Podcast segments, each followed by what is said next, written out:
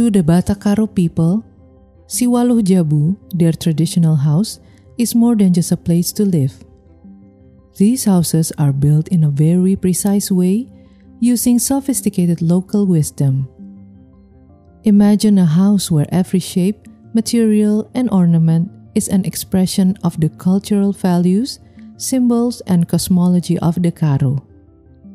These houses were once called Rumah Gerga or the house of the king or tribal leader. This majestic stilted house can accommodate 8 to 10 family units. The Karo people believe that the anatomy of the Siwaluh Jabu represents the three tiers of their cosmological worldview. The space under the house symbolizes the underworld.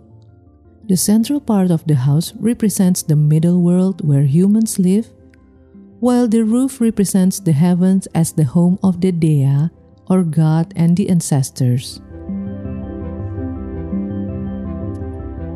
One unique feature of this house is the indoor stove.